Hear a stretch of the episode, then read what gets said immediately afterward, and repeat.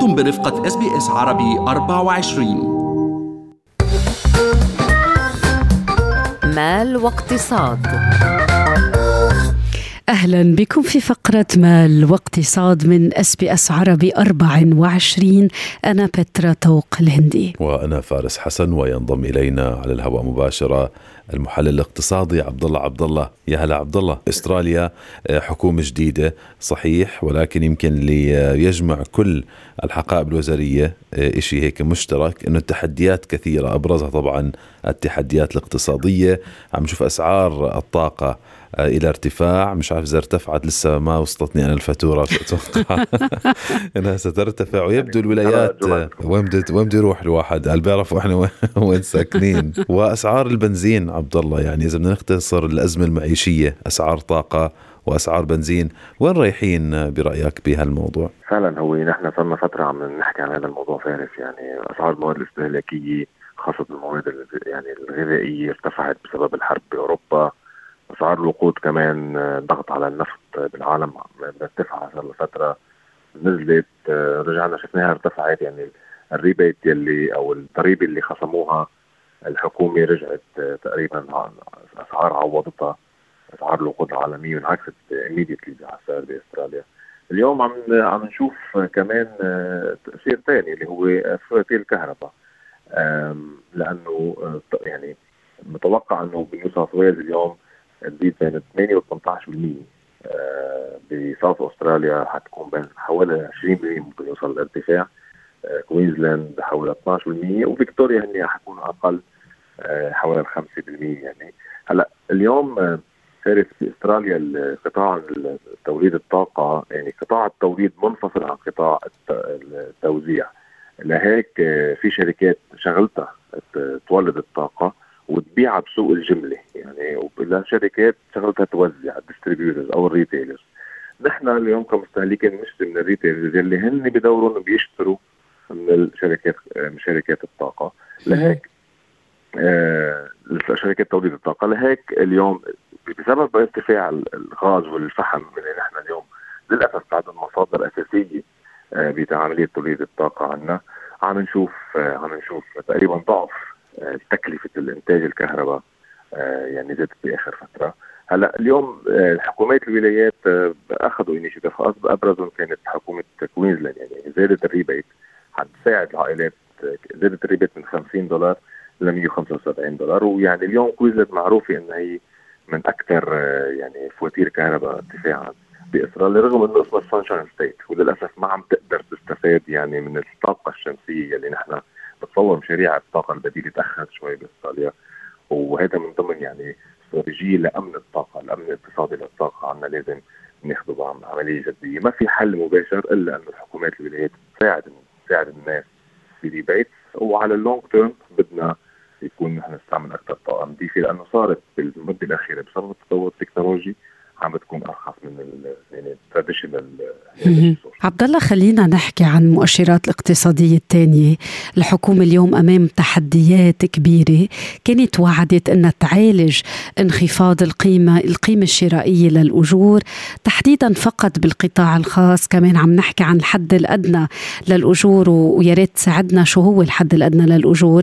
آه، اليوم وعدت الحكومة العمالية برفع هذا الحد ب 5.2% إنما هناك تحديات كبيرة سيما بارتفاع التضخم. شو بتقلنا عن هالتحديات عبد الله هلا طبعا هو اليوم مثل ما قلت التضخم حين عنه الأجور ما كانت عم ترتفع. هلا اليوم آه، آه، نحن اليوم رقم الناتج المحلي حتصدر على مكتب الأحصاء. آه، بس قبل قبل مكتب الأحصاء بينزل أرقام يلي هي مرتبطة بالناتج المحلي. في منها كانت أخبار جيدة. وأبرزها هو كان آه، موضوع آه، آه، أرباح الشركات يعني شركات بالفترة الماضية بإصرار السنة الماضية زادت بأرباح حوالي 10% هذا شيء جيد للاقتصاد اجمالا. وكمان أجور القطاع الخاص واضح إنها زادت بحوالي 5.2% وهذا أيضا شيء جيد. يعني نحن كنا ال debate أو أو, أو كل ال discussion كانت قبل الانتخابات على زيادة 5.1% على على ال minimum wage اللي هو حوالي 20 وشوي يعني بيصير 21 وشوي دولار بالساعة. آه اليوم القطاع الخاص يعني عوامل السوق الضغط على يعني خلينا نقول على نقص العمالي هو أدى إنه هال هال يعني الاجور ترتفع وهذا عامل جيد. هلأ ثقة ثقة المستهلكين للأسف انخفضت بال quarter الماضي بسبب طبعا يعني الناس فزعانه من ال inflation.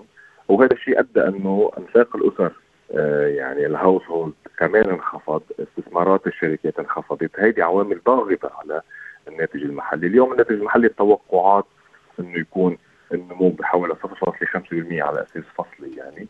وهذه من التحديات اللي حتكون قدام يعني الحكومة المقبلة لأنه آه، مجبور إن يعني صحيح يمكن إذا بنقول إن النمو الاقتصادي لازم على طول يكون بشكل فوق 3% و4% ولكن بظل التضخم مجبوره الحكومة اليوم تخفف هذا النمو مشان تقدروا يسيطروا على التضخم. إذا بنضل بنفس وتيرة النمو المرتفعة يلي هي نتذكر شو أساسها.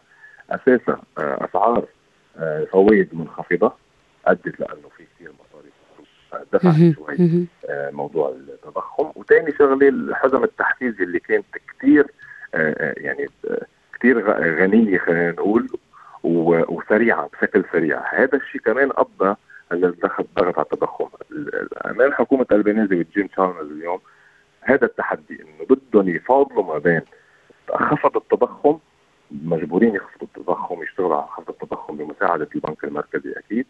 ونفس الوقت بد المفاضلة حتكون إنه بدهم يخففوا من وتيرة النمو يلي ممكن يكون بدل ما نشوف نمو يكون ما بين 1.5% و 2.5% على أساس سنوي عفوا بين 3.2.5% و 3.5% حيكون ما بين 1.5% و 2.5% نحن ما عم نحكي عن الركود رغم إنه يمكن بعض الناس آه عم في بعض التقارير عم تحكي عن بلشوا يحكوا عنه. صحيح. مش واقعي كثير عبد الله أيوه في عندنا عوامل في عندنا عوامل. ال unemployment بعده واطي ال wages عم بتكون عم ترتفع. إذا إذا واكبت ال public sector واكب ال wages بال private sector هذه كلها عوامل مساعدة لأنه نحن نضل على السيف يعني عبد الله اليوم آه، كثير عم بيطلعوا على الحكومة الحكومة العمالية ويمكن معاهم حق يعني بنعرف العمال آه، أقل ميلا لمنح آه، يعني اقتطاعات ضريبية أو تخفيضات لأصحاب المداخيل المرتفعة بظل الوضع الحالي. والمتاعب اللي ورثتها الحكومة الحالية من حكومة الائتلاف كما يقول كبار مسؤوليها ورئيس وزراء أنثوني ألبنيزي. يمكن لابد من تشديد السياسة المالية. يعني إحنا عم نحكي عن بلد دينه الوطني حوالي أو فاق وسيفوق التريليون دولار. عم نحكي عن عجز حوالي 220 مليار دولار في السنوات الجاي. شو بتتوقع في هيك إجراءات متاحة أمام الحكومة. يعني هل هي عندها أدوات للتعامل مع هذا الدين الهائل؟ شو ممكن يعملوا بضوء الأدوات المتاحة؟ صحيح هي انت عم تحكي صحيح فارس عم نحكي على الأدوات. الحكومة هي بتحكي بتشتغل بسياسة مالية. البنك المركزي بيشتغل بسياسة نقدية. بلش البنك المركزي يرفع أسعار الفوائد. الحكومة اليوم آه بدها آه، تخف بدها تبلش آه تخفض الإنفاق. يعني ال fiscal stimulus أو التحفيز التحفيز المالي اللي كانت عم تعمله الحكومة السابقة بسبب كورونا وبسبب كل العوامل اللي بنعرفها بدهم يبلشوا يخففوا منه.